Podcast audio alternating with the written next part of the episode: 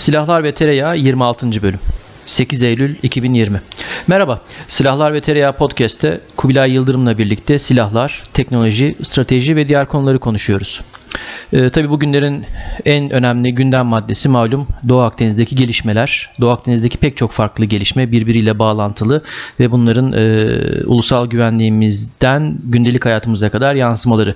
Gerçi gündelik hayatımıza yansımalarını henüz somut olarak çok fazla görmüş değiliz. Ancak e, bu bölgede olanlar, olabilecekler ya da olabileceklerin olma ihtimali gündelik hayatlarımızı aslında doğrudan etkiliyor. Belki biz sadece bunun çok fazla farkında değiliz. Ee, Türkiye-Yunanistan gerilimi tabii e, epey bir tırmandı. Şimdi biraz daha e, en azından ısısı bir tık bir derece e, düşmüş olsa da aslında yüksek bir gerilimin olduğu söylenebilir. Hem Ege Denizi'nde hem Kıbrıs civarında Yunanistan'la ve Kıbrıs Rum yönetimiyle ve Fransa'yla ve Mısır'la ve diğer ülkelerle ciddi sürtüşmelerimiz, gerilimlerimiz var. Farklı farklı sıkıntılarımız var. İkili kombinasyonlar şeklinde bir sorunlar e, denizine dönüşmüş durumda Doğu Akdeniz ya da Akdeniz bir bütün olarak.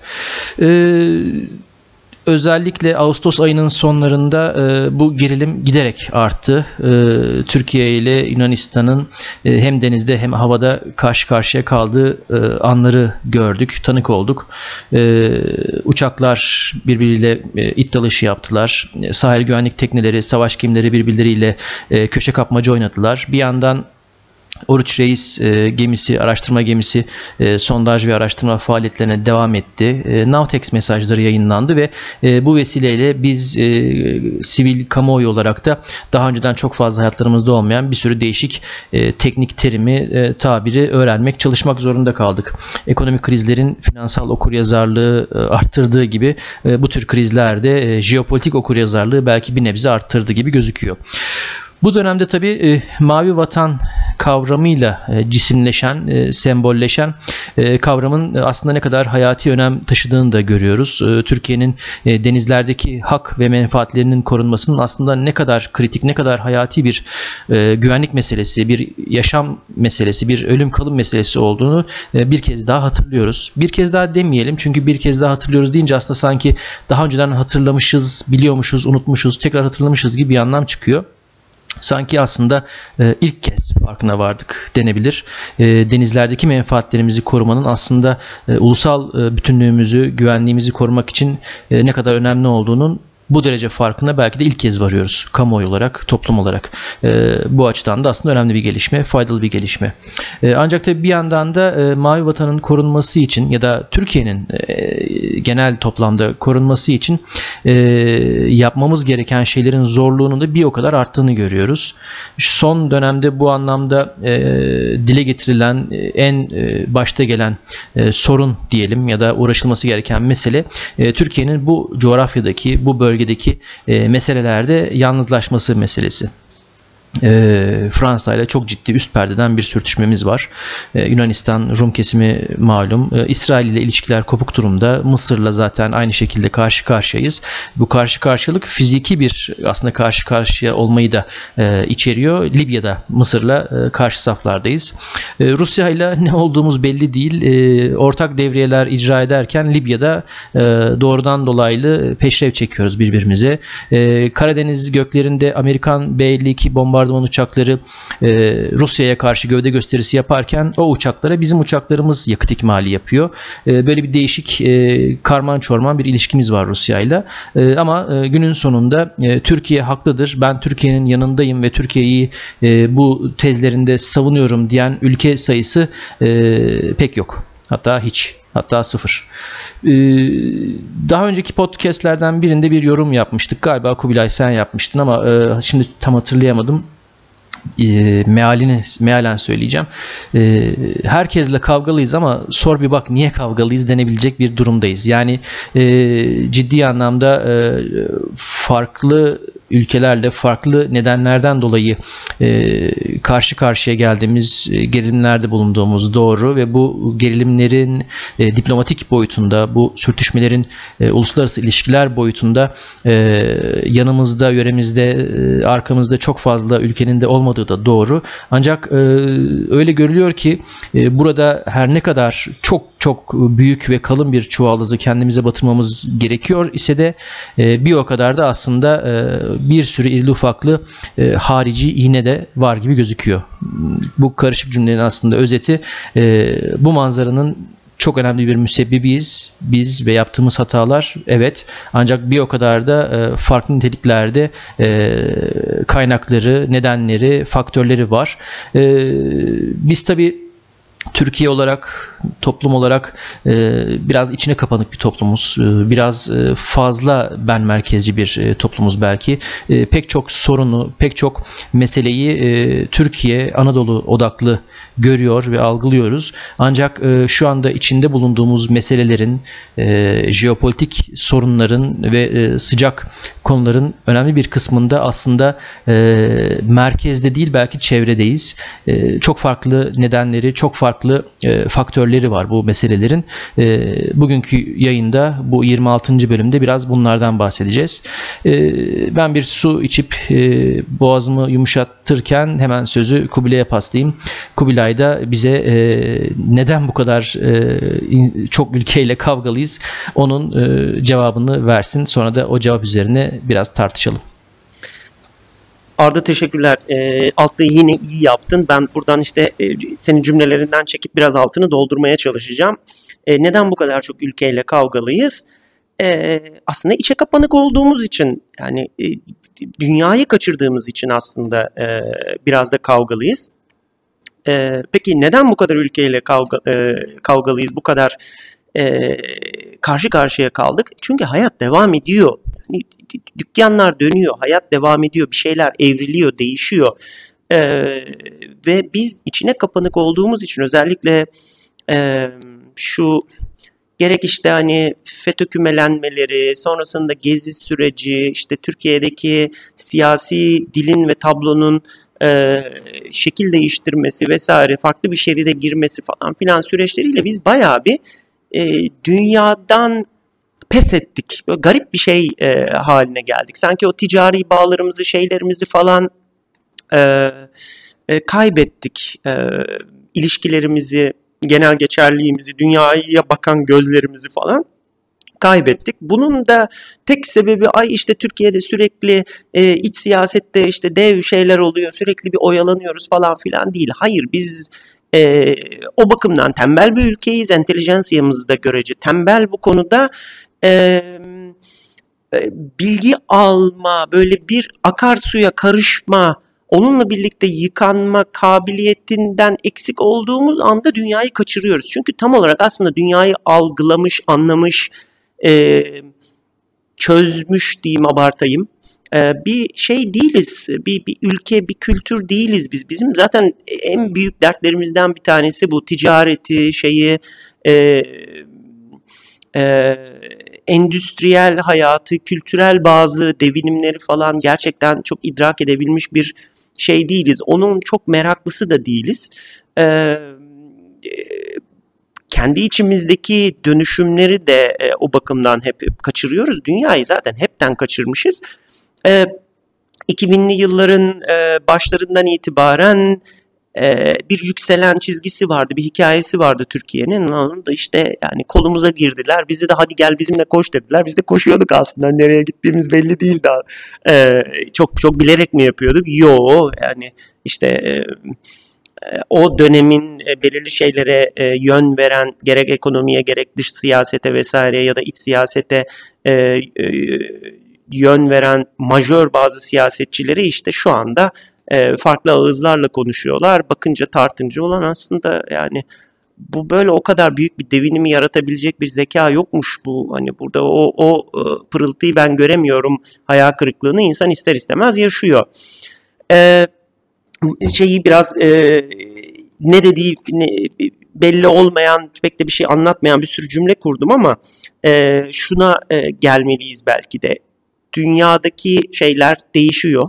E, ticaretin yönü, ticaret rüzgarları, e, ticaretin ve paranın, malın ve paranın akış yönü, enerjinin, e, petrolün, gazın, e, akış yönü ve e, buna karşılık ödenen paranın akış yönü, o rüzgarlar değişiyor. Biz bu rüzgarların arasında e, Kur'an-derde kaldık ve e, bu değişimi algılamakta topyekün devlet e, kurumsal hafızasıyla ve kurumsal refleksleriyle bütün o mekanizmasıyla en küçük dişlisine kadar bunu algılayamadığımız için e, halk da bunu hani aydınım diyen, dünyayı görüyorum diyen e, insanımız da, eğitimli insanımız da bunu zaten çoktan kaçırdığı için, hiçbir zaman tutmadığı için zaten bir ucundan daha doğrusu, e, bu konuda geride kalıyoruz. Anlayamadığımız bir devinim içerisinde, yani bu bu şey gibi hani e, Tokyo metro istasyonuna Tokyo'daki en kalabalık metro istasyonlarından bir tanesinin ortasına hayatında neredeyse hiç metro görmemiş, işe gitmemiş, sabah da koşuşturmacasına bilmem nesine falan bilmeyen bir çocuk gibi bırakılıp ondan sonra böyle bir anda insanların hurra akın etmesine, bir tarafa doğru gitmesini, bizim ayaklar altında çiğneme, çiğnenmemizi, Sonra belirli bir saatte her tarafın bomboş olmasını, ondan sonra da tam tersi yönde başka bir insan serinin e, bizi önüne katıp ezip geçmesini falan anlamlandıramadığımız gibi böyle saftorik komik bir dönemi yaşıyoruz. Onun için de e, müteyakkız bir haldeyiz ve e, tepkisel durumdayız. Bir şeyler oluyor e, ve biz e, çeşitli askeri e, ve politik e, hatta ekonopolitik bazı şeylerin, olayların ortasında bırakılıyoruz. Bu sadece Doğu Akdeniz'le falan ilgili değil. Bu, bu aslında uzun bir süredir böyle. Hatta 2010'lar falan mertebesinden beri e, böyle. Ve bunu ayrıştırmakta, anlamakta, okumakta zorlandığımız için bir yerden sonra kasılıyoruz, kasılıyoruz ve Sonra da patlıyoruz ve garip bir tepki gösteriyoruz. Yani kendimizce belki haklı, kendi tarafımızdan baktığımızda haklı ama dışarıdan bakıldığında da farklı şekilde paketlenebilecek e, belirli e, anlatılara, belirli hikayelere uydurulabilecek e, şekillerde davranıyoruz. Bizim genel geçer sıkıntımız aslında bu. E, birazdan e, detaylarını konuşuyoruz. Ne oluyor, ne bitiyor. E, ama senin de özetlediğin gibi içimize kapalıyız, dışarıyı kaçırıyoruz ve hayatın doğal e, ritmine uygun bir şekilde hayatın o ya da ekonominin seküler değişimine uygun bir şekilde oluşan bir kümelenmenin, bir şeyin e, dışında kaldığımız için e, bocalayıp biraz şey yapıyoruz, e, sesimiz fazla çıkıyor. Bunu detaylandırırız ama yine sana vereceğim sözü. Ee, şimdi sen bunu söylerken aslında e, benim aklıma şey geldi. Ee, Türkiye'nin e, dış ticareti biraz daha e, somut şeyler üzerinden hani konuşmak gerekirse şimdi dış ticaret bakanlığının verilerine bakıyorum 2000 kaç 2018 itibariyle Türkiye'nin en fazla ihracat yaptığı 10 ülkeden 7'si Avrupa Birliği ülkesi. Ee, birinci sırada Almanya var. Ee, işte İngiltere, İtalya diye gidiyor. Dördüncü sırada Irak var. 5 Amerika, 10 İsrail. E, geri kalan tamamı e, yani Irak, Amerika, İsrail dışındaki ülkeler hepsi Avrupa Birliği ülkesi. Hani İngiltere'de şimdilik sayalım ama tabii İngiltere artık şey e, ayrıldı Avrupa Birliği'nden. İthalata geldiğimizde ise ilginç bir manzara var. En fazla ithalat yaptığımız e, ilk 10 ülkeden ilki Rusya, ikincisi Çin, e, işte e, İran var, Güney Kore var, Hindistan var. Avrupa Birliği'nin payı biraz daha azalıyor. Şimdi ee, ben bunu geçenlerde başka bir e, makalemde dile getirmiştim satır arasında. Ee, Türkiye'nin e, dış ticaretinde en önemli partneri Avrupa Birliği. Rus, Avrupa Birliği artı Rusya, Çin, Amerika. Şimdi Türkiye'nin herhangi bir e, kamuoyu araştırmasında e, en fazla e, olumsuz bakılan kamuoyu araştırmasına bile gerek yok. Siyasi söylem olarak, diplomatik olarak da şu anda en kötü e, ilişki içinde olduğumuz ülkelerinde büyük bir kısmı aynı ülkeler. Yani e, Avrupa Birliği ile çok ciddi sıkıntılarımız var. Avrupa Birliği'nin gündeminde şu anda Türkiye'ye yaptırım söz konusu. E, Amerika ile olan durumlar malum. Bir Rusya ve Çin'le biraz e, daha ılıman şeklinde. Ama e, Türkiye'nin e, ekonomisinin can damarlarını besleyen ülkelerde en fazla kavgalı olduğumuz ülkeler. Yani dış ticarette e, İsrail'in 10. sırada ilk 10'da olması bile başlı başına enteresan bir durum. Aynı şekilde e, Türkiye'deki e, Türkiye'nin NATO ile ilişkilerini ele alalım. E, Türkiye özellikle 15 Temmuz'dan sonra e, NATO'nun e, bütün faaliyetlerine çok yoğun, çok aktif katılım gösteren bir ülke. E, zaten NATO içindeki en büyük ikinci orduya olduğunu herkes kabul ediyor. E, hemen hemen her türlü e, görev, sorumluluk ya da faaliyette e, Türkiye hiçbir şekilde yüksünmüyor ya da geride kalmıyor. Hiçbir e, yükümlülüğünü e, boş geçmiyor. Ve bu anlamda da e, faaliyet olarak, katkı olarak ittifakın gerçekten de en önemli üyelerinden bir tanesi. Ama yine herhangi bir kamuoyu araştırmasına bakın ya da siyasi partilerin söylemlerine bakın. E, NATO Türkiye kamuoyunda, sivil ve siyasi kamuoyunda en olumsuz algıya sahip e, kurumların başında geliyor. NATO'ya bakış ya da NATO algısı en olumsuz şey. Şimdi burada e, Türkiye'nin bir e, ikilemi var gibi gözüküyor. Bir kararsızlığı var gibi gözüküyor. Hem e, toplumsal bazda hem siyasi bazda, e, stratejik bazda belki de e, bir ikilem var. Bir yandan en kavgalı olduğumuz ülkeler, öteki yandan da en fazla ticaret yaptığımız ülkeler. Bir yanda içinde eşit oyla, eşit bir şekilde, eşit oy hakkıyla bulunduğumuz e, bir ittifak. Öteki yandan da varlığımızı en büyük tehdit olarak gördüğümüz ittifak. E, bu ikilem, bu arada kalmışlık, bu arafta olmuşluk hali e, zannediyorum ki bizim kendimize özgü bir politika e, çizmemizin, bir strateji, strateji çizmemizin önündeki e, önemli bir engel. Yani yolumuza karar verebilmiş durumda değiliz gibi gez, geliyor bana. E, bu en son zaten antiparantezi S400 F35 meselesi de bunun güzel bir sembolü belki. Şimdi buradan Doğu Akdeniz'e geleceğim tekrar. Şimdi Doğu Akdeniz'deki tezlerimizde gerçekten de hani pek çok tarafsız gözlemcinin de kabul ettiği, hakkını teslim ettiği üzere Türkiye argümanlarında haklı. Türkiye'nin burada çok ciddi aslında e, tezleri var. Çok güçlü tezleri var.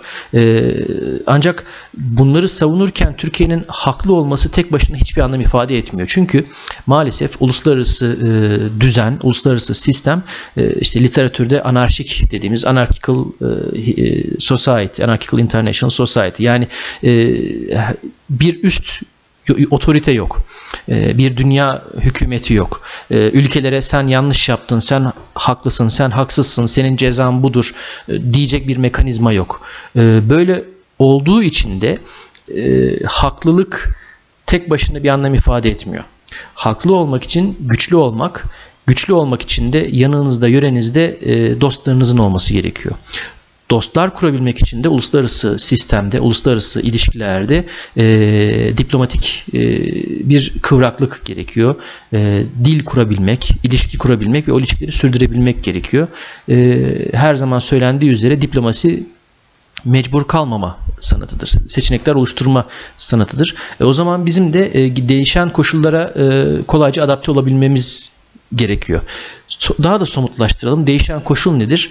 E, geleneği bozmayacağız. Yine Çin'den başlayacağız. E, çünkü Çin işte en son geçen günlerde çıktı. E, şu anda e, dünyanın e, en büyük donanmasına sahip. Amerika'yı geçmiş durumda. E, gemi gemi sayısı bazında e, gemilerin niteliği falan ayrı mesele ama gemi sayısı bazında şu anda dünyanın en büyük e, deniz kuvvetlerine sahip.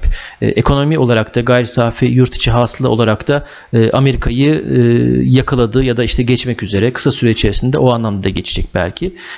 Öyle ya da böyle şu anda dünyanın ikinci süper gücü Çin konumuna gelmiş gibi gözüküyor.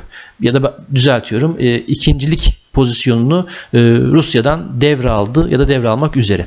E, Çin'in bu e, gücü yalnızca askeri güç ile sınırlı değil. Çin'in bu gücü ihracat yapabilmesine, enerji kaynaklarına erişimine, o enerji ve ticaret e, hatlarında varlık gösterebilmesine bağlı. E, Lübnan'daki o büyük patlamadan hemen sonra e, Lübnan limanının tekrar inşasına ilk Çin'in talip olması boşuna değil. E, oradan e, Doğu Akdeniz üzerinden Avrupa'ya ve hatta oradan Atlantik'e ulaşma e, çabası e, büyük bir sır değil. E, geçenlerde Yunan Başbakanı'nın e, Çin e, elçisiyle ya da Çin temsilcisiyle e, toplantı yapması bu anlamda bir tesadüf değil.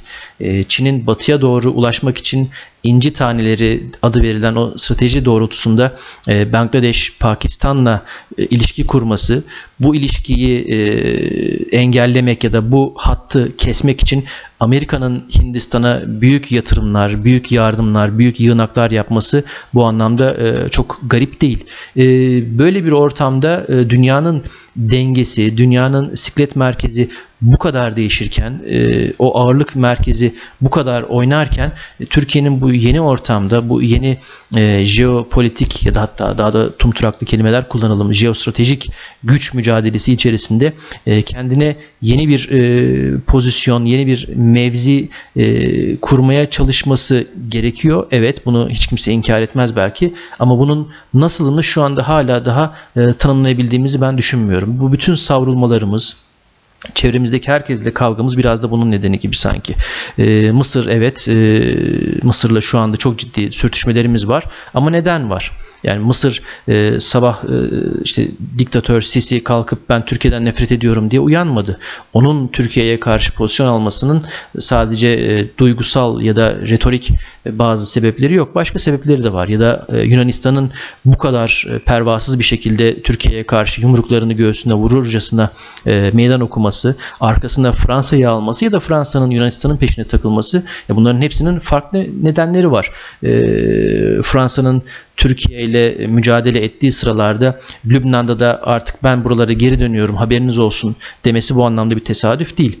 Ee, daha fazla dağıtmadan şöyle toparlamak belki gerekir. Ee, Orta Doğu'da kartlar yeniden dağıtılıyor demek istemiyorum ama gerçekten de bir e, yeniden dağıtılan bir deste var gibi. E, ama e, biz bu değişimi e, ne kadar e, doğru algılayıp ne kadar e, yönetebiliyoruz e, o konuda benim ciddi e, endişelerim var. İstersen biraz daha somutlaştırmak adına hani e, mücadelelerimizi işte ikili e, sıkıntılarımızı e, biraz daha şey yapabiliriz. Ee, şöyle e, toplamaya çalışayım ben de. E, dünya ticaretle dönüyor. Dünya halen işte şeylerle, e, doğal zenginliklerle e, ve bu doğal zenginlikleri kullanarak üretim yapan, mal komodite üreten ve bunu dünyaya satan e, e, katma değer yaratabilen mahreçlerce, büyük şirketler, global şirketler yahut ülkeler e, diyebiliriz buna. Bu yaklaşık işte 400 senedir falan e, bize Avrupa'nın kazandırdığı bir şey. Daha sonra işte buhar devrimi, endüstri devrimi vesaire falan gibi şeylerle araç araçları da iyi kötü ortaya çıkan e, globalizmle de bambaşka bir şekilde e, misli misli e, katlanan bir hacme ulaşan e, düzenek bu. Bu halen bu. E, içine kapanan ülkeler gibi görünen şeyler de aslında tam olarak içine kapanan ülkeler değil fakat ticaretin mütekabiliyeti karşılıklılığına yönelik belki yeni bir bir e, bir e, şey e, saflaşma e, denebilir. Buradaki e, teraziyi bozan şey gerçekten de Çin'in kendisi oldu. Bunu bir gün yani ufak tefek bazı şeylerini e, daha önceki bölümlerde parça parça episod episod tartıştık belki ama Çin e, dünyada üretimi ve katma değer yaratımını e, teraziyi bir kefesini son derece fazla bozacak kadar değiştirebildi. E, ilk baştaki tabii şeyin içerisinde e, batılı e, yaklaşımda yani Çin'e yaklaşımda Dünya Ticaret Örgütü'ne kabul edilmesinde vesaire e, beklenen, murad edilen pek böyle bir şey değildi e, think tankler malum üzere şeyi tartışırlar işte Clinton dönemi vesaire Çin'in e, dünya ticaretine katılıp liberalleşmesini sağlamak falan ya liberal ya da değil işte bir, bir şekilde e, herkes koşa koşa oraya gidiyordu. Hem pazarından faydalanmak, mal satmak için hem de ucuzluğundan faydalanıp kendi e, hayatını sübvanse edebilmek için.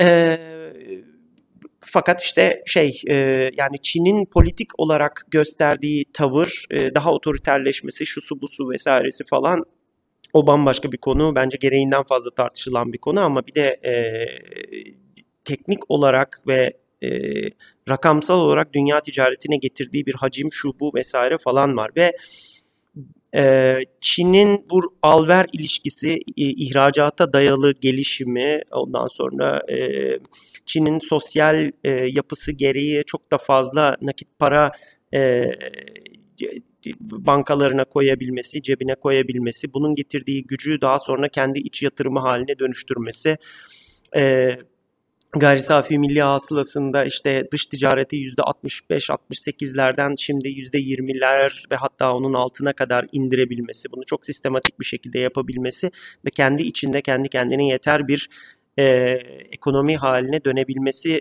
e, bunun önemli tetikleyicilerinden bir tanesi. Fakat yine de e, üretici şeyler, e, katma değer yaratan dünyada şu anda iki tane büyük e, kutup var. Bunlardan bir tanesi Çin, diğeri aslında Avrupa Birliği. E, Amerika belki burada e, farklı bir yerde duruyor fakat bu e, iki e, kutbunda eksikliğini duyduğu şey aslında enerji. Bu e, tekerleği, bu dişlileri döndürecek olan e, enerjinin girdisi ve e, aslında ekonomik dengeyi belki de bu şekilde e, sağlayabiliyoruz. Yani işte e, bütün bu şeylerde iki ayrı kutup da e, kendisinden doğal zenginlikleri satın alıp karşılığında para verip o verdiği parayla da tekrar bu e, e, ülkelere kendi ürettiği malları satarak zenginliğini, gelişimini, e, halkının müreffehliğini devam ettirebilmek istiyor. Ve burada da işte e, çarpışan bir e, düzenek var. İşte bir tarafında Avrupa Birliği var, e, bir tarafında da e, Çin var. Bundan e, bu, bun, bir de tabii her tarafın ucunda ekonomik sistemin yağlayıcısı ve benzinine e, yani dolara ve işte mevcut e, ticari e, sistemi e, kontrol edebilen, halen edebilen e, aslında Amerika Birleşik Devletleri var. E, ve bu şu anda bu 3 iki katma değer üreten, üçüncüyü kontrol eden e, polariteler arasındaki bu alandaki e, kalan dünyanın bütün o geçiş noktaları, enerji noktaları, e, pazar ve e, arz eden e, taraf e, iletişimi e, arasında kalan bütün her yerde şu anda işte o, o ciddi cereyan var, ciddi bir bir bir e, gerilim var ve biz bunun da tam orta yerinde bir yerde duruyoruz açıkçası. E, yani şeyden tut e, Amerikalılara bakarsan ta Hindistan'dan tut Fas'a kadar giden belirli bir blokta e, bir, bir alan görüyor. O aynı zamanda işte Atlantik tarafını belirli bir alan olarak gör, gö, görüyor. E, Doğu Avrupa'yı belirli bir çatışma alanı olarak gör, görüyor. Burada e, çatışma alanı derken e, şey yapma yani e, e, bir konflikt anlamında kullanıyorum diyemem bunu ama bir bir gerilim ortamı olarak görüyor. E, ve burada işte e, şeyi anlamlandırmaya çalışıyor. E, buradaki geçişleri kontrol, herkes kendi lehine kontrol edebilmek istiyor. E, Amerikalılar e, Doğu Avrupa'yı kontrol ederek Avrupa Birliği ile Rusya, Avrupa Birliği ile e, Orta Doğu ve Orta Asya arasındaki e, geçişi kontrol edebilmek istiyor. Bu geçişten kastım mal geçişi, enerji kaynakları geçişi, para geçişi, insan insan kaynağı, yetişmiş insan kaynağı geçişi. Ee, Avrupa Birliği e, güneyindeki Afrika, e, Orta Doğu ve aynı zamanda ticari partneri olan Çin'le e, arasında kalan su yolları ve kara yolları, e, kara alanlarını iyi kötü etkileyebilmek, kontrol edebilmek istiyor. Çin e, enerji yollarını ve ticaret yollarını yani işte denize açıldığı, karaya açıldığı, Orta Asya ile bağlantısını kurduğu ya da bütün dünya ile bağlantısını kurduğu deniz yollarını e, kontrol edebilmek, oldukça uz- uzak havzalardan başlayarak kontrol edebilmek istiyor. E, bir de buna eklenen yeni bir şey var bizim göz ardı ettiğimiz ya bir de bu ortada kalan geçiş yolları da kendi kendilerini kontrol edebilmek istiyorlar aslında. Bizim en büyük çatışma e, e, yaratan ve bizim idrak etmekte zorlandığımız bu dinamik de aslında en sonuncusu. E, bu bölgenin de yani Yunanistan'dan çek çizgiyi şeye kadar e, Pakistan sınırına kadar e, o, o bölgeden hatta bir ucu ta Fas'a kadar giden, bir ucu belki ta Nijerya'ya kadar giden, güneyde Somali vesaireye kadar falan giden o bloğun da e, kendince ya belirli bu bu bloktaki belirli başat güçlerin e, pazarlamasını yaptığı farklı bir iş modeli de var, bir ekonomik modeli de var. Ee, biz bunların çatışmalarının arasında kaldık ve biraz önce işte konuştuğumuz gibi ticaret hayatını anlamlandırmakta zorlandığımız ve e, jeopolitik e, etkileri anlamlandırmakta zorlandığımız için ve genelde de reaksiyoner ve geç kaldığımız için burada biz biraz e, her şeyin dışında kaldık. Bu süreçlerin içerisinde çünkü bütün bu alverlerin işte adı üzerindeki şey alış ve veriş. Birisi bir şey vermek istiyor, onun karşılığında bir şey almak istiyor. O aldığıyla başka bir şey, bir katma değer yapıp karşısındakine sunmak istiyor vesaire vesaire. Ee, bu sürecin içerisinde Türkiye'nin bir pazar olarak ve bir üretici, bir katma değer üreticisi olarak bu şeylere, polaritelere, bu, bu kutuplara sunabileceği çeşitli kabiliyetleri var. Fakat bunları e, bu katma değeri yaratabileceği ortamı çoklamak, e, bunu bu konuda bir tüketici olarak çeşitli pazarlara ve çeşitli ticaret yollarına e, etki edebilecek e, ticari kapasitesini gerek üretme göre gerek tüketme konusunda çok hor kullandığı için, e, parayı çok hor kullandığı için, e, katma değere bakışı ciddi şekilde erozyona uğradığı için e, bu yeteneklerini geçtiğimiz özellikle 10 yıl içerisinde falan yitirmeye başladı ve biraz aslında yaşamaya başladığımız şey e, içinde bulunduğumuz şartlar e, aslında biraz da bundan kaynaklanıyor. E, bu süreçlerin içerisinde bütün bu olan biten olayların içerisinde Türkiye'nin sarıldığı bazı şeyler var. İşte biz e, 83 milyonluk nüfusuyla şöyle bir üreticiyiz. Doğru. Şu kadarlık genç nüfusuyla e, üretime, tüketime vesaireye e, o ekonomik hayata katılabiliriz. Kesinlikle doğru. E, enerji yollarının çok kilit bir noktasındayız. Doğru. Son zamanlarda özellikle son 5 yılda ortaya çıkan bir şey oldu ki askeri olarak da kendimizi bir yerlerde ispatlayabiliyoruz. Doğru e, karar alma mekanizmalarımızı işte güya e, siyasi erkin bize uzun süredir pazarlamaya çalıştığı çeşitli sistem değişiklikleriyle iyice güya cilalamış ve yağlamış olmamız ve şık şık şık şık karar verebiliyor olmamız gerekiyor idi. Bu pek olamadı gibi görünüyor. E, bütün bunları şöyle bir e, teorik olarak listede yazdığın zaman ya Türkiye'nin müthiş bir potansiyel, müthiş bir e, çizgisi yükselen bir ülke olması gerekiyor ama böyle değil. Hatta sürekli yokuş aşağı gidiyor. Peki niye böyle?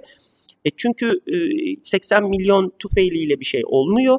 E, üretimden ziyade tüketimi yeğleyen bir e, kafa yapısıyla bunun ayırdına varamayan bir disiplinle de e, bu düzeneğini e, yıkıyorsun, e, borçlusun, katma değer elde edemiyorsun. Katma değer yaratmanın e, gereksinimi olan geçenlerde işte Besim Dellaloğlu'nun yazdığı bir şeydi o. Ben çok çok e, sevdim onu. E, bir, işte bunu katma değeri bir mühendis yorumlayacak değil tabii yine felsefeciden gelmesi gerekiyor. Katma değer oluşturabilen bir ülke, bir ekonomi, bir sistem çıkarabilmek için önce katma değer yaratabilen bir toplum inşa etme gerekiyor. E, gerekiyor. E, bizde, bizde bu yok.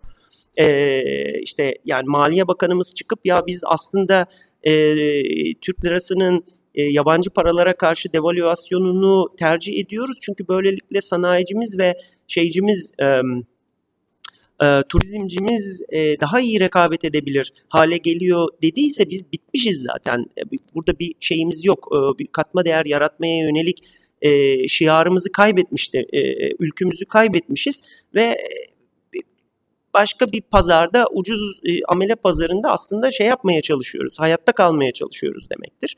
E, o, o kültürel kodları, o ticari kodları vesaireleri falan kaybettiğimizde iş yapabilen, ortak iş yapabilen, parayı çoklayabilen, e, insanları bir çatı altında toplayıp gerek üretimiyle gerek şu suyla bu suyla falan filan bundan bir katma değer üretebilen, e, çektiği her bir litre petrolle, gazla bilmem neyle beş e, katı, hadi olmadı abartmayalım bir buçuk katı bir değer üretebilen falan bir ülke olma nosyonumuzu her taraftan e, kendi elimizle biçtik. İşte hani kendimize batırılması gereken çuvaldız aslında orada bunun sonucu olarak da e, dış dünyada komşularımızla falan para etmemeye başladık. Bir şey önerememeye başladık. Oysa ki biraz önce saydığım gibi nüfusu orta büyüklükte bir ülke. Üretimi, üretim altyapısı, üretim kültürü iyi kötü oturmuş bir ülke.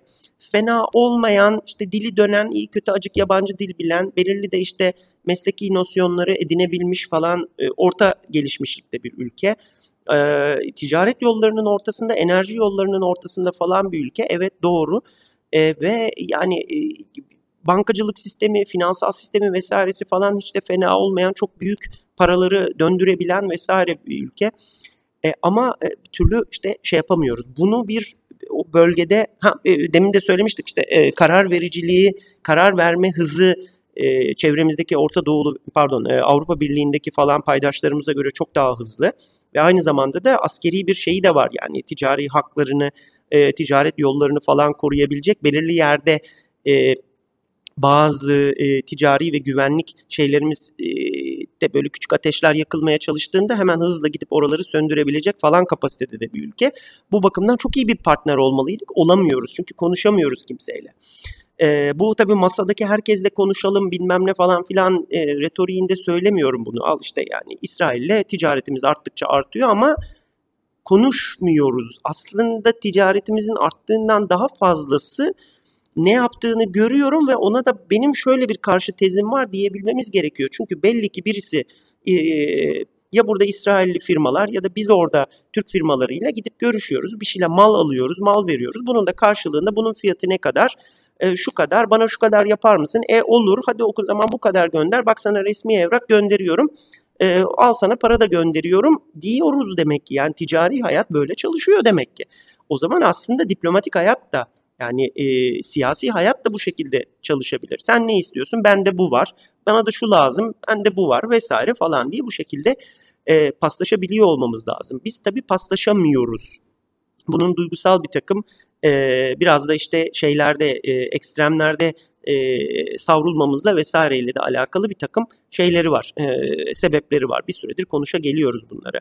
Dolayısıyla verdiğimiz yani tezgaha koyduğumuz malın şu anda çevremizdeki değişim, çevremizdeki e, bu kutuplar için pek bir manası yok.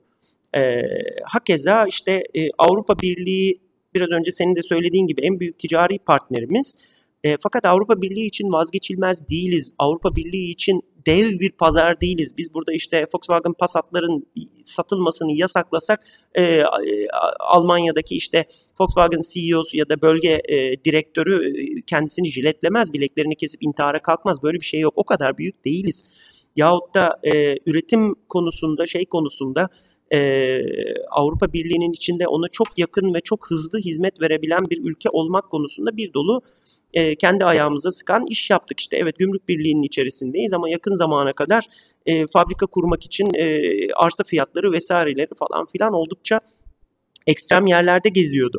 E, kendi iç lojistiklerimizi vesairemizi falan çözmekte halen çok geri kalıyoruz. Daha işte bugünün yol, köprü bilmem ne projeleri falan dediğimiz şeyleri çok daha önceden belki de yapmış olmamız gerekiyordu. Bunları çok ihmal ettik. Çünkü çok rahat e, bu konfora e, alışabiliyoruz. Hakeza yine karşımızdaki işte Suudi Arabistan'ıdır, şu sudur, bu sudur, bilmem nesidir falan işte çok konuştuğumuz Birleşik Arap Emirlikleri bunların da bir hayat, bir ticaret e, tahayyülleri var. E, biz e, alışık olduğumuz Avrupa Birliği'nin e, üretim partneri, tüketim partneri, kültür partneri olma vasfımızı kaybetmenin getirdiği panikle bir şeyler yapmaya çalışıyoruz. E, onlar da e, e, beğenirsiniz, beğenmezsiniz, saygı duyarsınız, duymazsınız. Yani e, savundukları e, mezhebi şeyleri ya da dini duruşu e, şey yapmayabilirsiniz ama bunlar nihayetinde boğaz beslemek zorunda olan biri işte şu kadar, biri bu, bu kadar milyon e, adamı beslemek zorunda olan ülkeler ciddi e, paralar e, e, ra hükmeden e, idareler bunlar ve e, bu mali güçlerini kullanarak çeşitli şeyleri etkileyebilen de e, mahreçler ve bunlar da çöken hidrokarbon ekonomisi modelinden kendilerine bir alternatif arıyorlar doğal olarak. Aynı zamanda tabii bu ülkelerin e, hidrokarbon ticareti yapabilme, enerji ticareti yapabilme e, kabiliyetlerinin ne kadar pamuk ipliğine bağlı olduğunu geçtiğimiz birkaç sene içerisinde aslında sürekli yaşadık. Yani Suudi Arabistan'ın bu biraz şey e, dinleyicilerin aslında birer harita açıp şöyle bir bakması lazım. Biraz belki Google karıştırması lazım. E, Suudi Arabistan'ın pardon şeyinin e, enerji üretiminin, petrol üretiminin, e, rafinasyonunun vesairenin falan kurulu gücünün e, belki yüzde sekseni İran'la karşı karşıya. E, hakeza işte Birleşik Arap Emirlikleri e, konumu gereği bir tarafı Hürmüz Boğazı'na bakan, öbür tarafı Hint Okyanusu'na bakan e, kuzeydeki komşusu ister istemez İran olan bir durumda. E, İran'ın da iyi kötü istediği zaman 10 tane seyir füzesi atıp Suudi Arabistan'daki bazı şalterleri açıp kapatmakta ne kadar mahir olduğunu gördük. Bu göstermek istediği kadar ki yeteneğiydi. Bunun nereye kadar gittiğini bilmiyoruz şu anda. E, yavaş yavaş onun suflelerini İran e, herkese kamuoyuna vermeye başladı. E, ve bu ülkelerin de yarın öbür gün e, rüzgarın değişmesi halinde ne kadar e, sağlıklı ve öngörülebilir bir şekilde bu ticarete devam edebilecekleri gerçekten bir muamma. Dolayısıyla bu ülkelerde ister istemez hinterlandlarını güçlendirmek istiyorlar. Şu anda kazandıkları büyük işte e, varlık fonlarını, e, gelirlerini geleceğe yönelik e, kazanacakları, çıkaracakları petrolün satımından kazanacakları parayı e, değerlendirecekleri çeşitli alternatif şeyler arıyorlar. Ve yani şöyle Fas'tan İran sınırına kadar ki bölgeye bakarsanız eğer burası e, neredeyse neredeyse değil hatta fazlasıyla aslında böyle Nijerya'yı falan filan da içerisine dahil ederseniz Avrupa Birliği nüfusundan daha büyük bir nüfus. Ve e, bu şeye baktığınızda e, kendi kendine yeten ve dünyayı da rahatlıkla besleyebilecek enerji kaynakları var. E, paraları da var. E, üretim yapabilecek, ucuz üretimi yapabilecek Mısır'dır, ondan sonra Fas'tır vesairedir gibi bir takım ülkeler var. E, hakeza Sahra bölgesi dışındaki Afrika'da çok ciddi tarım yapılabilecek ve bu bölgedeki bütün insanları neredeyse besleyebilecek kadar tarım alanı var. E, yani gün sonunda baktığımızda hakikaten şu Afrika'nın batısından şeye doğru e, İran, Pakistan tarafına kadar şöyle bir hattı çektiğiniz zaman e, neredeyse bir Avrupa Birliği kadar değer yaratabilecek, e, mal tüketebilecek, enerji üretebilecek, e, komodite ortaya çıkarabilecek ve aynı zamanda da işte zenginlik yaratabilecek, bunu dağıtabilecek ve çalışan bir ekonomi kurabilecek bir monolitik bir yapı var orada neredeyse. Bunun eksiklerinden bir tanesi aslında şey bir e, teknolojik bir lider ülke.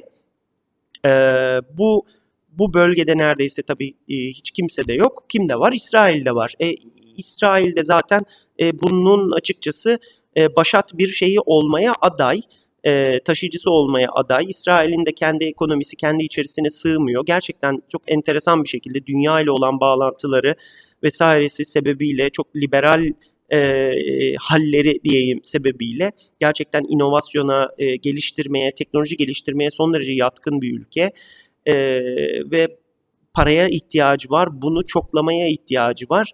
E, İsrail'deki işte startupları vesaireleri falan gidip Amerika'da e, borsayı açıp oralarda e, finansman kovalamaktansa neden kendi toprağında e, Suudi finansmanıyla, Arap Emirlikleri'nin varlık fonu finansmanıyla falan bir araya getirip ondan sonra bu endüstriyi, bu know-how'ı bütün şeye dağıtıp e, bölgeye dağıtıp burada kendi içerisine e, karşılıklı ticaret yapan müreffeh, güçlü falan bir ülke haline getirmesin ki.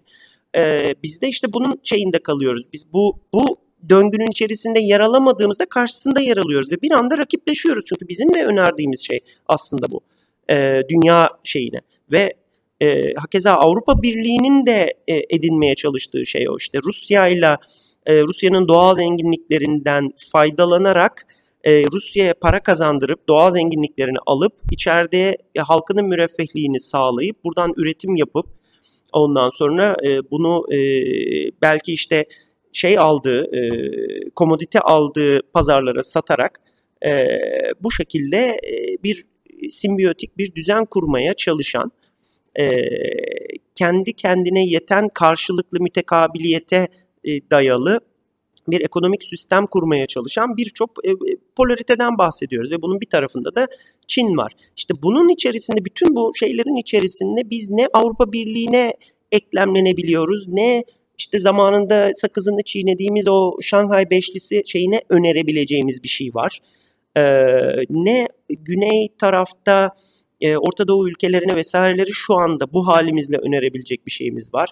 Ne e, aslında daha iyi ilişkilerimiz olması tercih edilebilecek yakın Akdeniz ülkelerine verebilecek bir şeyimiz var. Hani şartların çok farklı olduğu bir dönemde İtalya'yla, Fransa'yla, Mısır'la, e, Tunus'la, Libya ile çok farklı bir ekonomik koordinasyon belki kurabilirdik ama o şartlar bizden bağımsız sebeplerle tarumar oldu. E, şartların böyle olduğu bir e, durumda e, herkesin kendi içerisinde planladığı gelecek planına biz şu anda ortada biraz da ortada kalmış bir ülke olarak e, ne eklemlenebiliyoruz ne dışında kalmayı göze alabiliyoruz. Bu da işte çeşitli çatışmaları doğuruyor. Burada Mısır'ın ve Yunanistan'ın kendine has özel bazı durumları var. Bunu da e, bilahare herhalde konuşuruz. E, sen o, o bu polariteden bahsederken direkt benim aklıma şey geldi. Bugünlerde işte içinde bulunduğum bir şey, e, kafamı çok meşgul eden bir şey. E, anneme bir tablet bakıyoruz. E, annemin uzun süredir kullandığı küçük bir bilgisayarı vardı, netbook cinsinden. O artık ömrünü e, doldurmak üzere tablet araştırıyoruz. Annem de işte biraz araştırmış. İki tane model arasında kararsız kalmış. Şimdi marka model ismi vermeyeyim. Bir tanesi çok bilinen bir marka. E, diğeri de Çin yapımı başka bir e, çok bilinen marka. E, üreticinin iki tane tableti. Aralarında biraz fiyat farkı var. Çok göze batmayacak bir fiyat farkı. Şimdi annemle tartışıyoruz telefonla. Yani konuşuyoruz. İşte özelliklere baktım. İkisi de annemin ihtiyacına göre gayet yeterli e, tabletler. İşte e, sonuçta oyun oynayacak değil. Ya, gazete okuyacak, sosyal medyada gezecek, Instagram, e, arada sırada da Skype'tan e, bizimle görüntülü konuşacak, torunları görecek falan. E, annemle konuşurken işte önce Çin yapımı olan o tablete bir e, onu yönlendireyim dedim. Sonra birden aklıma şey geldi. Yorumlara da baktım. E, Android desteği yok. Yani Android desteği kesilmiş daha doğrusu. Sonradan benim jeton düştü tabi. Ee, ya dedim hani böyle böyle bir durum var. Bunu alırsan şimdi e, işini görür. Uzun sürede işini görür muhtemelen. Ama sonrasında yani bu konularda çok donanımla bilgili olduğumu söyleyemeyeceğim. Belki de yanılıyorumdur. Yani e, yanlış da yönlendirmiş olabilirim annemi ama e, Android desteğiyle ilgili sıkıntı var. Hani e, Çin firmalarına artık bu tarz şeyler oluyor. Yarın bir gün e, uygulamaların çalışmasında sorun olur mu olamaz mı bir şey söyleyemiyorum dedim. E, o da ikna oldu. Kafasına yattı. E, biraz daha e, bir tık daha fazla fazla para verip diğer üreticinin e, bilinen üreticinin tabletine doğru e, mail maillendi. E, böyle bir şey var. Hani bu aslında çok bizim gündelik hayatımızı etki eden bir olay. Ama bunun gibi e, hem bireysel bazda, toplumsal bazda hem de e, devlet bazında ya da endüstriyel e, bazda çok ciddi yarılmalar var.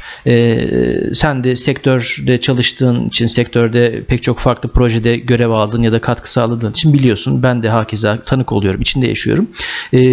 Şu anda yarılıyor. Dünya ikiye yarılıyor.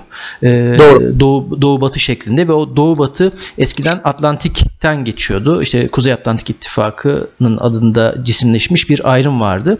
Şimdi o doğu batının ayrıldığı yer o yarılma yeri e, daha e, şeye doğru gidiyor. Bu Sincan'a doğru, Türkistan'a doğru gidiyor. Dünya o taraftan böyle farklı bir eksen ya da Asya Pasifik diyelim hadi. E, oradan e, dünya doğu batı şeklinde yarılıyor. E, bu yarılmanın tabii ki ortaya çıkardığı çok muazzam e, fırsatlar var. E, sevdiğim bir filmdir. Hani çok saçma olduğu için çok severim. Bu e, Bruce Willis'in Armageddon filminde bir sahne vardır. İşte uzay mekikleri ikmal yapmak için yörüngedeki istasyona giderler.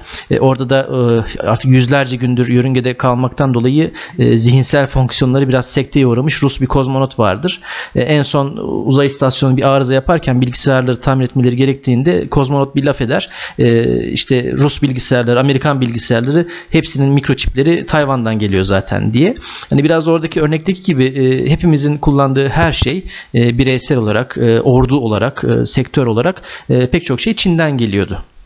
Şimdi artık bu tedarik zincirleri sarsılıyor. Bu tedarik zincirlerinin bazıları koptu, e, bazıları yeniden tanımlanıyor ve bu ortamda e, Çin'in dünyanın geri kalanıyla olan ilişkisi, irtibatı, alışverişini yeniden tanımlaması gerekiyor. Aynı şekilde e, Amerika ve Batı da Çin'le ve dünyanın diğer kalanıyla tedarik zinciri bağlamında, ticaret bağlamında ilişkilerini yeniden tanımlıyorlar. E, saflar sıklaşıyor, saflar belir, belirginleşiyor. Az önce senin bahsettiğin inovasyonda gerçekten cüssesinden çok daha e, orantısız bir şekilde büyük performans gösteren İsrail e, bu anlamda kendine güzel e, mevkiler elde ediyor. Tabi burada hakkını teslim etmek gerekir. İsrail bunu yalnızca ARGE ve inovasyon kapasitesiyle yapan bir ülke değil. E, çok iyi biliyoruz ki diplomatik olarak oyunu kurallarını oynama, kurallarına göre oynamayan bir ülke. E, diasporasını çok e, verimli bir şekilde e, mobilize edebilen bir ülke siyasi faktörleri, Amerika ile olan ilişkilerini çok e, başarılı kullanabilen bir ülke ama sonuçta aslında e, ülke yani e, başarılı bir ülke olmanın da belki diplomatik olarak başarılı bir ülke olmanın da gereği bu. Bütün güç unsurlarını verimli bir şekilde seferber edebilmek. İsrail böyle bir kendine mevki kaptı. Birleşik Arap Emirlikleri, Suudi Arabistan kendilerine yeni mevkiler kapıyorlar. Çünkü artık bu yeni oyunda hidrokarbon zengini olmak tek başına bir anlam ifade etmiyor. En fazla şımartılmış bir diktatör ya da şeyh, emir e, idaresindeki bir ülke olarak e, pahalı fiyat etiketlerine sahip silah ya da uçak tank e, alıyorsunuz. E, ondan sonra da e, Amerikan ya da e, Avrupa think tanklerinde satın aldığınız araştırmacılara güzel raporlar yazdırıyorsunuz. Geçinip gidiyorsunuz da e, bu geçinip gitme 5 sene, 10 sene, 15 sene belki geçerli oluyor. Ondan sonra da e, tamamen böyle bir e, beyaz cüce gibi içine çökmüş bir e, güneşe dönüşüyorsunuz. Dönüşme riskiniz doğru. var. E, bu, bu bu yeni ortamda da e, bir kendine e, saf tutabilmek için bir şeyleri farklı yapmak gerekiyor. Birleşik Arap Emirlikleri'nin bu çırpınışları, e, bu o, sağa sola e, gözü dönmüş boğa gibi e, saldırmalarının bir sebebi de bu aslında aslında. E, Türkiye ile bu kadar e, cepheden e, çarpışmasına neden olan şey aslında biraz da bir kuyruk e, bir e, çizgi filmlerde gördüğümüz o sağ solu yanar o çırpına çırpına işte haykıra haykıra koşar en sonunda bir suya oturur kendini söndürür öyle bir yanma hali hidrokarbonla nereye kadar? Dubai'nin e, o, o karttan, İskambil kartından e, yapılan binalarının 2008-2009'da nasıl e, yıkılma tehlikesi yaşadığını, nasıl çatırdadığını ben yerinde gördüm. Muazzam bir travmaydı. Tabii tabii. tabii bir, doğru, bunun bir daha tra, bunun bir daha tekrarlanmaması için de e, can havliyle önlem aldıklarından adım kadar eminim. E, böyle bir ortamda tabii bize e, çok büyük bir fırsat kapısı açıldı. Biz o fırsat kapısının e, böyle ucundan ayağımızı uzattık. Sonra da şimdi o fırsat kapısı galiba kapanıyor ve bizim de ayağımız orada e, kısılı kalacak gibi gözüküyor. Neden? E, geldiğimiz noktada Türkiye'de ortalama eğitim süresi 2018 ya da 2019 yani, düz, yani eğer yanılıyorsam şeyde açıklamada düzeltirim ama 8.2 yıl. Yani Türkiye Cumhuriyeti bir birey ise birey olsaydı e, ortaokul mezunu olurdu. Böyle bir eğitim seviyesiyle 83 milyonun ortalama gelirinin 7000-7500 dolar bandına düşmüş olduğu e, böyle e, bir ülkenin bu yeni ortamda kendisine bir yer açması işte e, bir tarafından İsrail'i dirseğiyle itekleyip öteki tarafında Lübnan'a düzeltiyorum Fransa'ya Yunanistan'a sen biraz bana yer aç demesi çok zor. Askeri kapasiteyle askeri potansiyelle kas gücüyle bu bir yere kadar mümkün ama orada bizi bekleyen aslında çok büyük bir risk var. O da kuvvet aktarımı dediğimiz, power projection dediğimiz kavramın özünden gelen bir e, sorun. E, bir yere askeri varlık göndermek, gönderebilmek bir şey ama o askeri varlığı orada e, daimi kılabilmek, sürekli kılabilmek bambaşka bir şey. Rusya bunu Suriye'de yaşayarak öğrendi, hala öğreniyor. Biz şimdi Libya'da ve Afganistan'da ve Somali'de ve Katar'da ve kim bilir daha nerelerde yaşayarak şu anda görüyoruz. Biz şu anda o sınavla henüz karşı karşıya gelmedik. E, giderek daha fazla e, tonumun karamsarlaştığının farkındayım ancak bazı gerçeklerle de e, yüz yüze e, gelmemiz gerekiyor. Bazı şeyleri kabul etmemiz ve e, hem birey olarak hem toplum olarak e, bazı dersleri çıkarmamız gerekiyor. E, sonuç olarak geldiğimiz yerde bu e, oyunun kuralları yeniden tanımlanırken e, kendimize e, o oyunda bir rol biçmemiz artık çok daha zor. Yani imkansız tabii ki demek mümkün değil. E, hiçbir şeyden umut kesilecek bir e, halimiz yok. E, hala yaşıyoruz, hala üretiyoruz ama e, kendine aydın diyen vatandaşlar olarak ya da e, iyi kötü eli kalem tutan, mürekkep yalamış insanlar bir değil belki 3 insan performansında çalışmalı ki o ortalama 8.2 yıl olan eğitim süresinin getirdiği dezavantaj, o, büyük potansiyele rağmen sınırlı kalan gayri safi yurt içi hasıla, ARGE inovasyon kapasitesi, patent sayısı, hangi göstergeyle alırsanız alın e, onların hepsinde bir sıçrama sağlanabilsin. E, sen mühendissin, ben mühendisim. Bütün hayatımız mühendislik projelerinde geçti. Şimdiye kadarki hayatlarımız en azından. E, ileri teknolojilerle hemhal olduk. E, savunma, havacılık, uzay teknolojilerini takip ediyoruz, okuyoruz. E, bu teknolojilere bakıyoruz. Biz sonuçta e, içi dışı, sağı solu, önü arkası teknoloji olan e, bireyleriz. E, en azından ben kendi adıma e, yakın geçmişe kadar diyeyim belki 3-5 sene öncesine kadar e, ülkenin kurtuluşunun ya da e, kalkınmasının e, teknolojiden geçtiğini, argeden geçtiğini savunurdum. Ancak bu bütün şimdiye kadar bahsettiğimiz şeylerin gerçekleşmesi için, mümkün olması için bir verimli toprak kurmamız gerekiyor. O verimli toprağın olması için de esas olan şey endüstriyel, teknolojik, bilimsel gelişmeden de önce belki sosyal ve ahlaki bir düz, düzen diyelim. E, bireysel olarak normların, etik normların, e, ahlaki normların e, düzgün bir şekilde oturması, e, güçlenmesi, e, sosyal, toplumsal e, ilişkilerin, yapıların belki e, daha e, güçlü bir şekilde e, tanımlanması. Bu anlamda ben aslında bilimsel ve teknolojik ilerlemeden önce e, sosyal e, ve etik e, bir kalkınmayı burada önceliyorum. Bunu da antiparantez olarak korsan bildir olarak sunayım. E, kapatmadan önce e, aslında e, sana son sözü paslamadan önce bu anlamda e, bizim şu anda içinde bulunduğumuz e, süreci herhalde bir doğum sancısı olarak ya da bir geçiş sancısı olarak da tanımlamak mümkün diye düşünüyorum. Tabi burada biraz da üstüne tuz biberi şanssızlığımızın eklenmiş bir Covid salgını var. Bu salgının hem küresel hem bölgesel yansımaları, ülkemize yansımaları e, ciddi anlamda e, bize zaman kaybettirecek gibi gözüküyor. E, giderek daha zorlu bir gelecek projeksiyonuyla karşı karşıyayız. Bilmiyorum hani böyle bir ortamda en azından dinleyenleri daha da karanlıklara sürüklemeden sen neler demek istersin? Sonra da kapatalım. Biraz önce söyledin ya şey diye e, askeri çeşitli yükümlülüklerin altına giriyoruz ve haklıyız e, bu konuda söyleyecek fazla bir şey yok. Ee, ama e, kuvvet projeksiyonu, kuvvet aktarımı konusunda limitlerimize dayanmış durumdayız. İşte yani e, hani saçma komik olacak ama e, işte amatörler taktikleri e, profesyoneller lojistiği tartışır falan denir evet, ya. Evet, yani evet. işte onu onu oturup e, konuşmamız lazım. Ama e, hakikaten birer işte e, savunma e, tekniği meraklısı, askeri tarih meraklısı falan adamlar olarak işte senin benim konuşacağımız şey ya kuvvet aktarımı şusu busu işte e, şeyin altında şu paralelin altında X-band kapsamamız var mı falan filan biz onları konuşuruz. Öte yandan tabii bir de meslek sahibi insan olarak paraya bakan endüstriyi pardon şeyi yani ciroyu takip eden, karı katma değeri takip eden adamlar olarak aslında dayandığımız başka bir yer var. Buradaki e, kaç haftadır, kaç aydır söylediğimiz şey Türkiye askeri olarak ya da dış politikanın e, sert kuvvet tarafında opsiyonları azalan falan filan bir şey değil. Baksana dünyanın hani yedi düvel falan ona tokat buna şey işte ya bir şekilde bunların altından kalkıyoruz. Bir şekilde lojistiğimizi falan da iyi kötü kuruyoruz.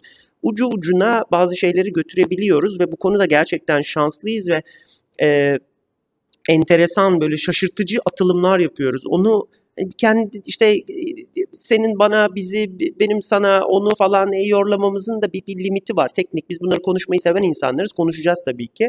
Ve e, bunu da son derece net e, şeye e, koymak durumundayız.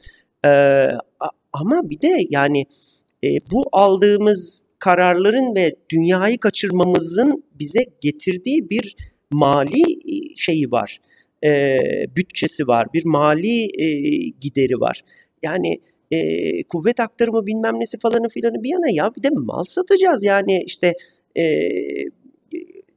mal tüketeceğiz, mal alacağız, mal satacağız falan. Hani şu anda öyle bir duruma dönüşmüş durumdayız ki e, Avrupalı'nın standart orta sınıf arabalarını alamayalım diye devlet bizi vergi üstüne vergiyle cezalandırır durumda. Hani iplerimiz o kadar kopsun. Yani sen sen kimsin ki de buna yelteniyorsun denecek durumu kabullenmiş durumdayız aslında. Bu işte biraz önce hani bakanın söylediği e, rekabetçilik e, parametresini savunmadığımı, doğru bulmadığımı söylerken ki şeyim de buydu.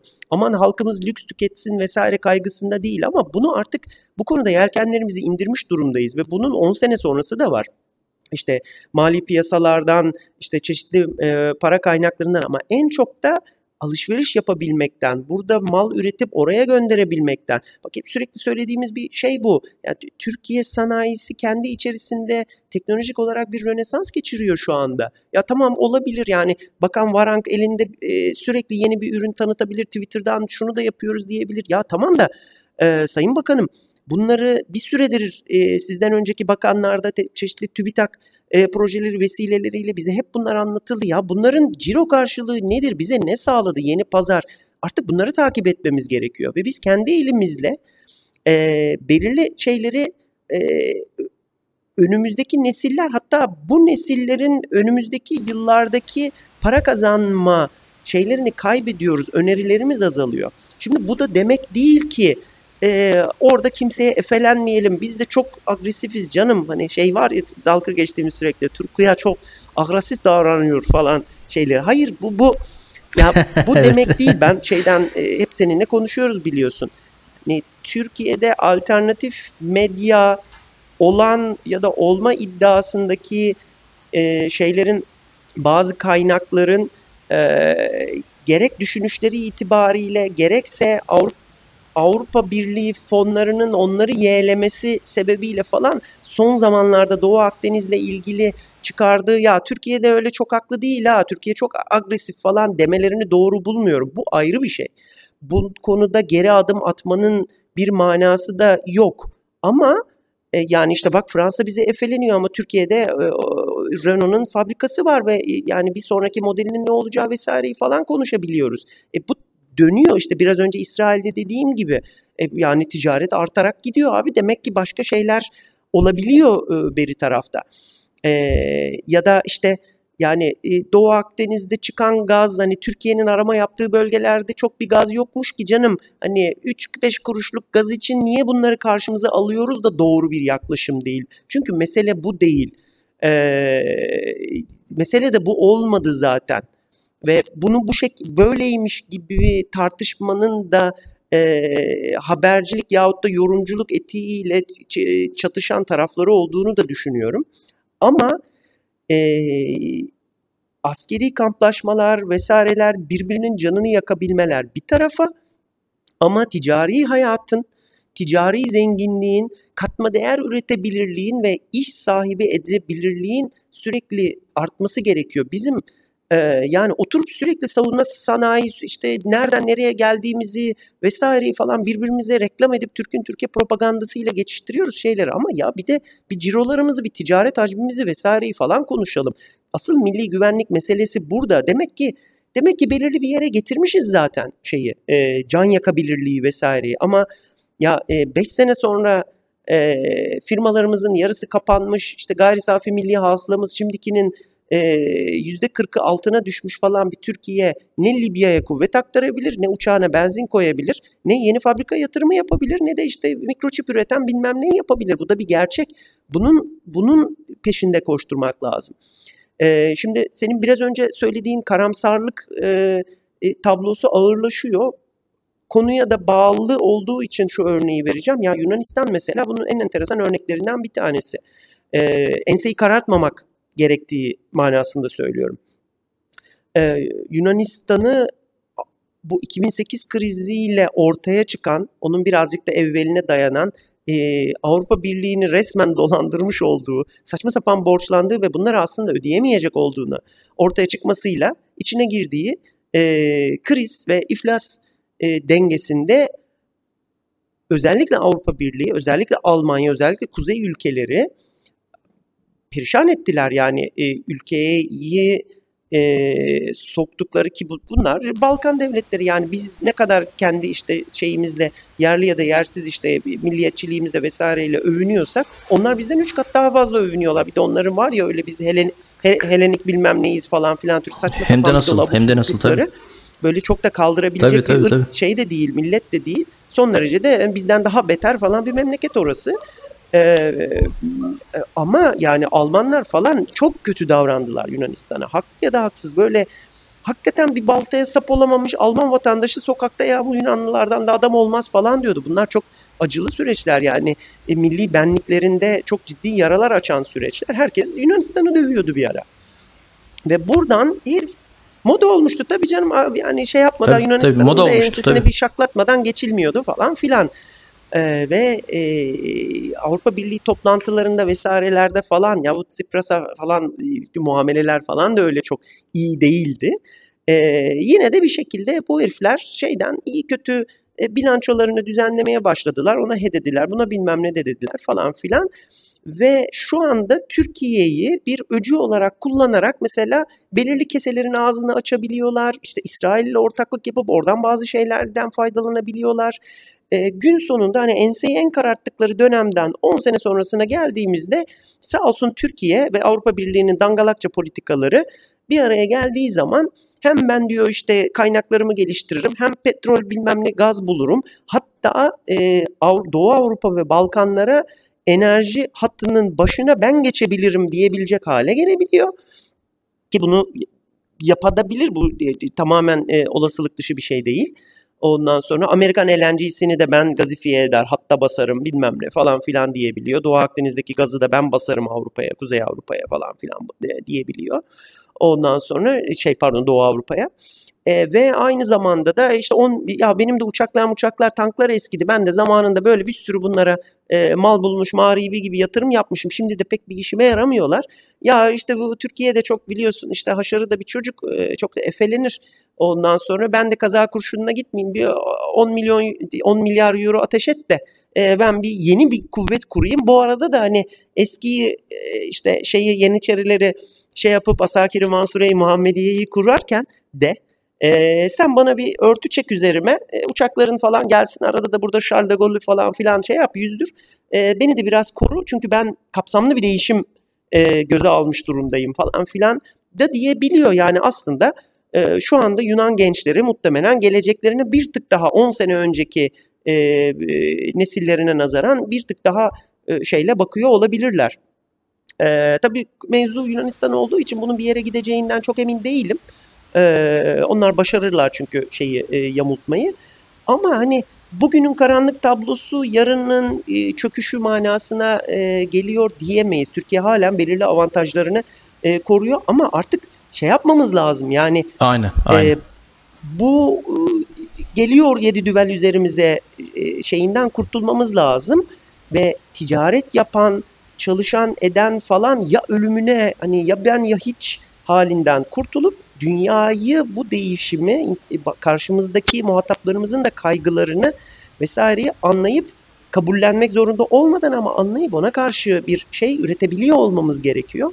E, Mısır da yine hakeza bunun enteresan örneklerinden bir tanesi. Biraz önce konuştuğumuz şeylerin içerisindeki o ticaret ve paranın akışı rüzgarları içerisinde e, Süveyş kanalını tutan, Doğu Akdeniz'i tutan e, iki tarafa da şeyi olan, e, kıyısı olan ve belirli bir nüfusu olan bir ülke olarak Mısır'ın üzerine verilen bir takım vazifeler var. Bu yani iflas etmiş ve e, perperişan durumda 90 küsür milyonluk bir ülkenin böyle bir bir dayanç noktasına ihtiyacı oluyor. Mısır eski Mısır değil artık. Ee, e, ve Abdülnasır'ın falan işte e, bayrağının altındaki Mısır'dan bahsetmiyoruz. E, ticaret yollarının ve işte çeşitli enerji yollarının Avrupa ile Uzak Doğu'yu ondan sonra e, Suudi Arabistan'la ya da İran'la Akdeniz'i ve geri kalan dünyayı neredeyse yani Batı dünyasını birleştiren su yolunu ve ticaret yolunu ve kara parçasını e, korumakla mükellef olan ona bu görev verilen ülke Mısır. Yani e, Fremleri, Rafalleri, bilmem neleri işte e, garip grup uçakları vesaire böyle hani ge- gemi üstüne gemi, denizaltı üstüne denizaltı, uçak üstüne uçakları bunlar gitsin Türkiye'yi dövsün diye vermiyorlar Mısır'a. O oradaki geçiş hattını korumak zorunda. Gerekirse İran'a karşı korumak zorunda. Gerekirse e, işte Rusya'nın bazı şeylerine karşı korumak zorunda.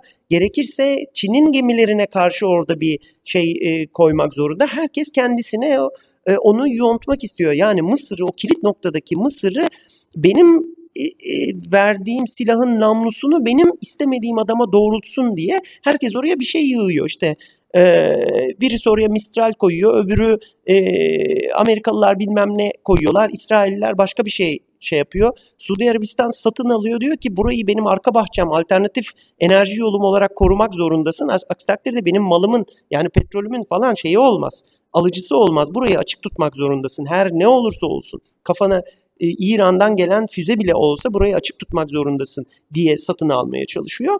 Ve bu arada da biz o bölgede işte onunla münakaşa eden e, ülke olarak biz şu anda görünüyoruz. Di- Ve oraya göre yapılan hazırlık e, o e, ticaret hattını, deniz hattını e, açık tutmak için yapılan hazırlığın bütün şeyi bizim başımızda patlıyor. Tıpkı hani konuştuğumuz gibi Amerikalıların, NATO'nun Sovyetleri çökertmek için 80'lerde oturttuğu Airland Battle e, donanımının, kültürünün, bütün konseptinin e, 90 yılında Saddam Hüseyin'in kafasında patlaması gibi, e, silindirinin altında kalması e, gibi bir nevi o, o yığınak bizim karşımızda şu anda namluları bizi e, dönük şekilde e, duruyor.